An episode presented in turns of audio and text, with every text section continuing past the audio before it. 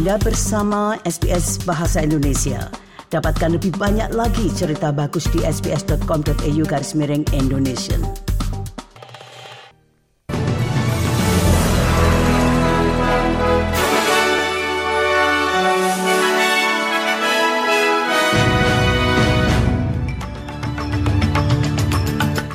Warta Berita SBS Audio untuk hari Senin tanggal 17 Januari. Sari berita penting hari ini, Pemerintah federal mempertimbangkan undang-undang seputar penggunaan kecerdasan buatan. Duta Besar Tiongkok untuk Australia menandai tahun 2023 sebagai tonggak sejarah dalam hubungan Tiongkok-Australia dan dalam bidang olahraga, petenis peringkat 6 dunia Ons Jabeur tersingkir dari kejuaraan tenis Australia terbuka.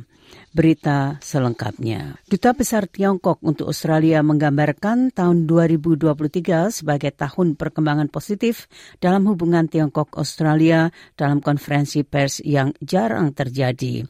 Duta Besar Xiao Zin telah menggunakan pidato sebelumnya untuk mendorong peningkatan kerjasama dan mengumumkan pelonggaran hambatan perdagangan. Uh, I think uh, compared with the year before last, 2022, which I termed as the year of stabilization, I have been terming the year 2023 as year of um, exchange, dialogue, and improvement. Perdana Menteri Albanisi telah menegaskan kembali posisi Menteri Luar Negeri Penny Wong bahwa Australia tidak berniat mendukung kasus genosida Afrika Selatan terhadap Israel di pengadilan PBB. Ada seruan agar pemerintah federal mendukung seruan Afrika Selatan dari berbagai pihak seperti Duta Besar Palestina. Namun Perdana Menteri Albanisi mengatakan ini adalah urusan masyarakat Afrika Selatan dan ada beberapa hal yang tidak disetujui oleh pemerintah. Now, well, we're not participants uh, in uh, in this. Uh, this is the actions of uh, South Africa uh, taking action between at the ICJ.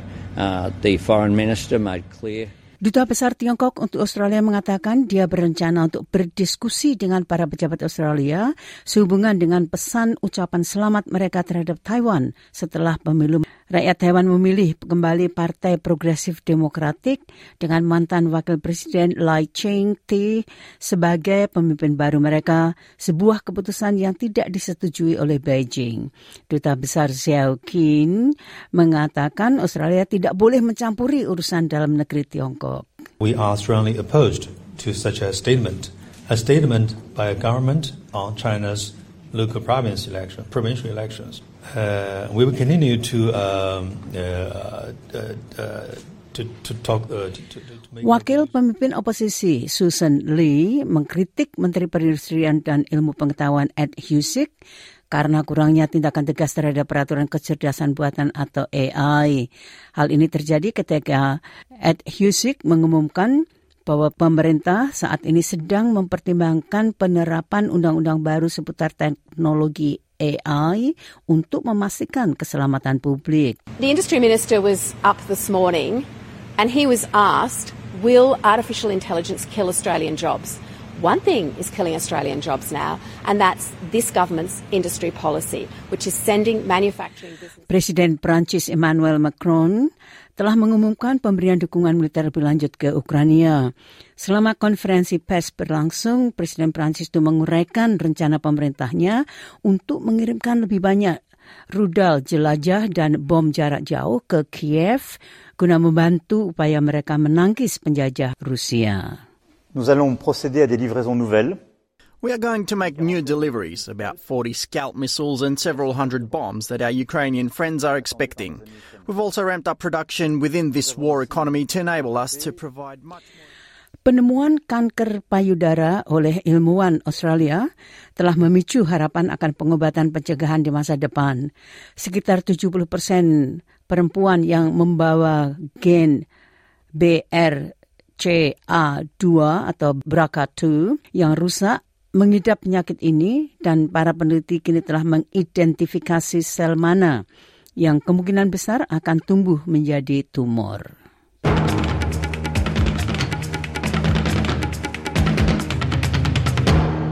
Nah, dari kejuaraan tenis terbuka Australia, petenis putri peringkat 6 dunia Ons Jabeur menjadi korban kejutan besar pertama di Australia terbuka tahun ini. Petenis Tunisia itu tidak pernah tampil maksimal dalam pertandingannya melawan Mira Andreeva yang berusia 16 tahun yang memenangkan pertandingan dengan angka 6-0, 6-2 dalam waktu kurang dari satu jam permainan dan memastikan tepatnya di babak ketiga. Andreeva yang mendapatkan rasa hormat dari penonton Melbourne karena penampilannya mengatakan bahwa dia bangga atas pencapaiannya melawan salah satu idolanya. Before I uh, started to play on the WTA tour, I always watched the way her the, her matches, and I was always so inspired by the way she plays. And now I had a chance to play against her, and uh, honestly, in the first set, I showed. The...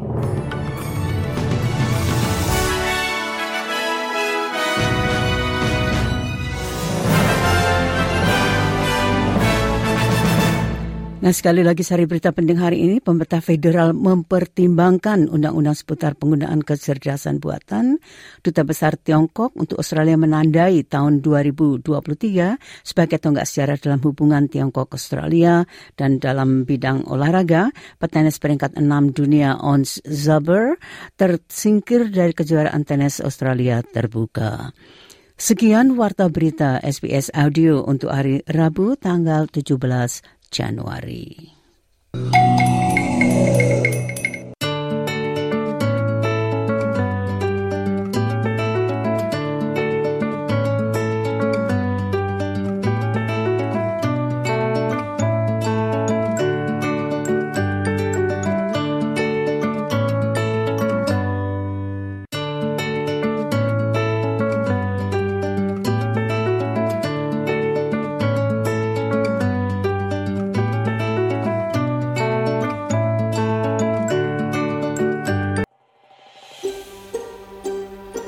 Sukai, berbagi, komentar. Ikuti SBS program Bahasa Indonesia di Facebook.